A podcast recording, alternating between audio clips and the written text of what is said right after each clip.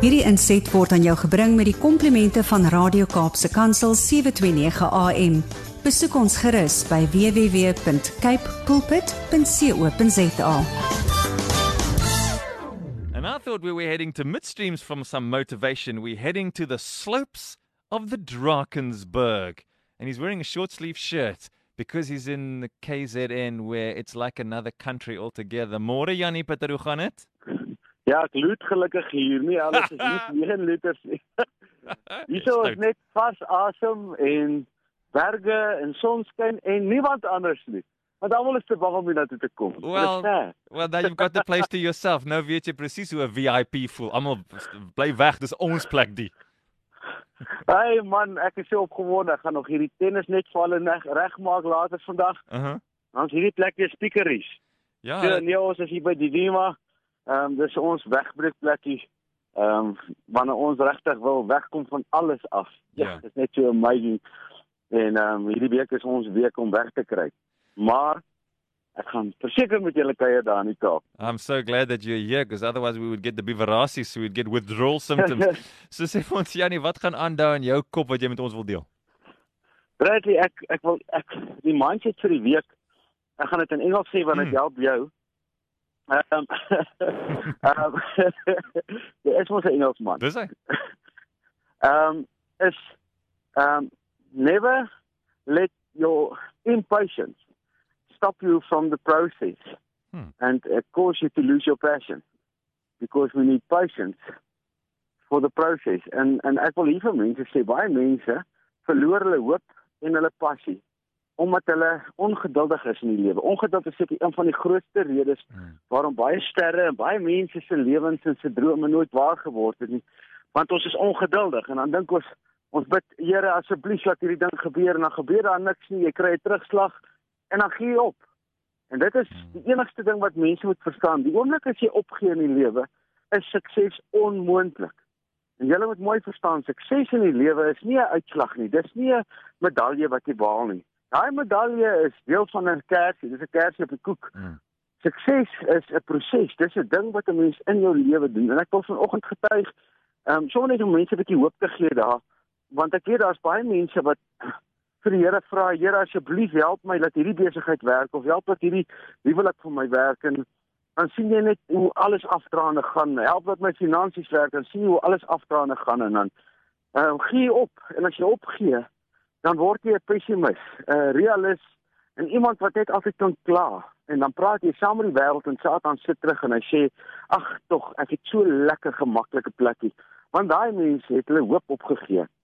Nou um, in 1996 daar 'n droom in my geplant. Hmm. Daai jaar toe ek my lewe verander het om 'n boek te skryf. Nou ek het geweet ek moet 'n boek skryf, maar ek het nie geweet hoe nie.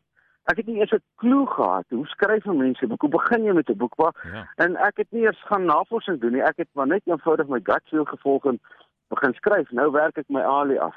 Ek sit nou nie by die huis en droog maak meer nie. Ek sit nou by die huis en skryf Hmm. terwyl my vrou werk. En ehm um, na so 'n paar maande na so 'n paar maande het ek hierdie manuskrip. Want ek kan onthou Bradley en ek sê dit vir mense dat julle nie moet dink Janie Pieter jy praat nou hier en alles in jou lewe gaan altyd so goed. Ehm um, jy het nie idee hoe dit is voel om te voel waar ek sit nou nie. Ek wil vir jou sê ek het daai manuskrip geskryf. Ek het nie ek ek, ek het op 'n rekenaar gesit en my tik was stadig, dit was frustrerend. Hmm. Ehm um, ek het 'n rekenaarboks gehad wat nog so amber kleur was, so geel. Gedog is baie super cool. Ehm um, en vir, ma vir vir maande het ek aan hierdie manuskrip gewerk en uiteindelik het ek hierdie manuskrip klaar wat ek my vrou sê, "Hier's my boek." Ehm um, ek dink dit seker omtrent 9 maande gevat. Wat ek so geskryf het en die ding ver- verander het. En na Hmm. 9 maande kan ek hierdie ding onthou. Ons het nie geld, dit was vir my verskriklik om geld uit te haal om die boek te gaan dupliseer. Dit het ek in fotostate te gaan maak en dit te bind. Ja. Ringbind daar by Postnet. Dit was daai tyd vir my amper die grootste uitdaging van ek gaan hierdie boeke, ek moet 3 van hulle vat want hulle soek 3 manuskripte en ek uh, of een manuskrip en ek moet twee hê wat ek al ek kan nie onthou nie maar en ek het nie die geld gehad daarvoor nie. Maar nou het ek hierdie goed gebind en gefotostateer maak 'n afspraak by 'n uitgewersmaatskappy ek soek een en ek kry een. Gaan sien toe laai boek af. Ehm um, en ek is vol vertroue hulle gaan my die volgende dag bel of Hmm. twee twee dae later bel en vir my sê Jannie ons het 'n nuwe beste verkoper hier ons is opgewonde vir jou. Wow dis amazing. Ek wag vir verseker 'n maand en 'n half.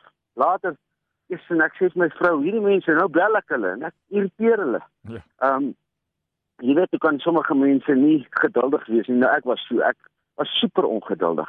Ek dink ek is later 'n pyn in die alie van daai ehm um, ontvangsdame daar maar nou wil ek uitslag hê. Ek seker 'n maand en 'n half later kom ek brief deur die pos en ehm um, daar staan net baie dankie vir die manuskrip my manuskrip is in die pakkie ehm um, ook saam met die brief ehm um, en uh, nee hierdie boek is nie gereed vir uitgee nie Jo, en daar is my hele droom aan flarde. Ek is so teleurgestel want ek het so lank gewag en gedog hulle is baie positief.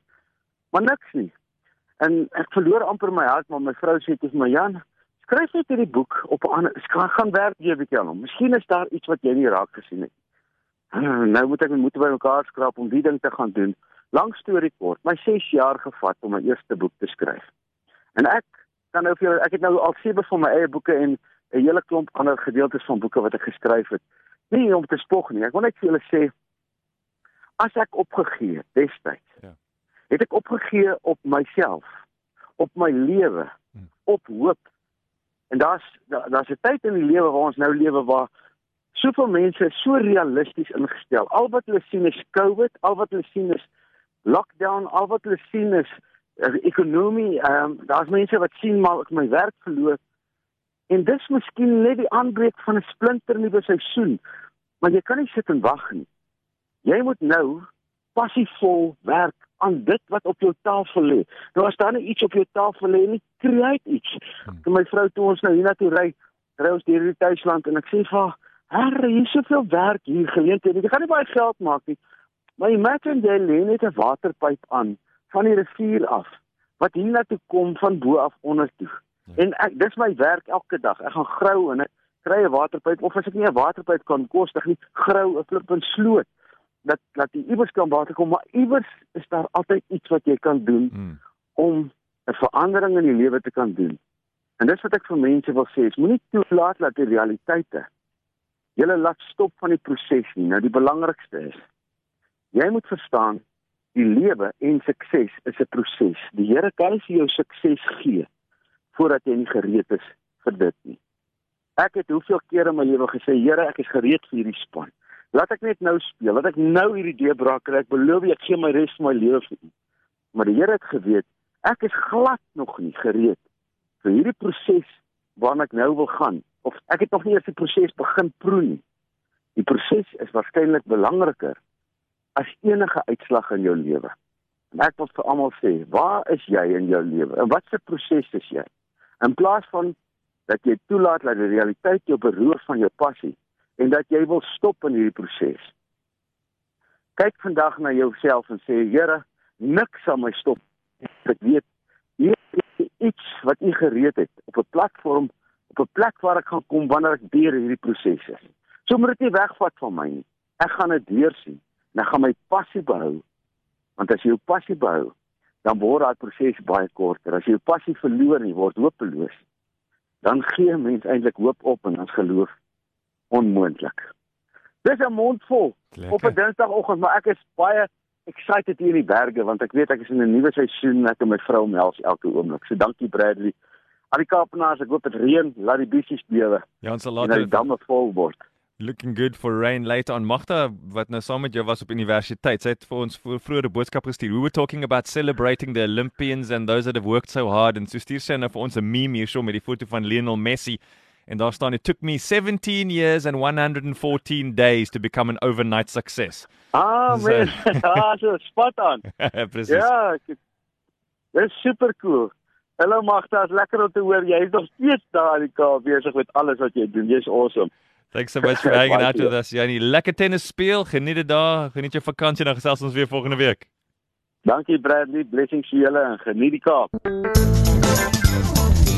Hierdie inset was aan jou gebring met die komplimente van Radio Kaapse Kansel 729 AM. Besoek ons gerus by www.cape pulpit.co.za.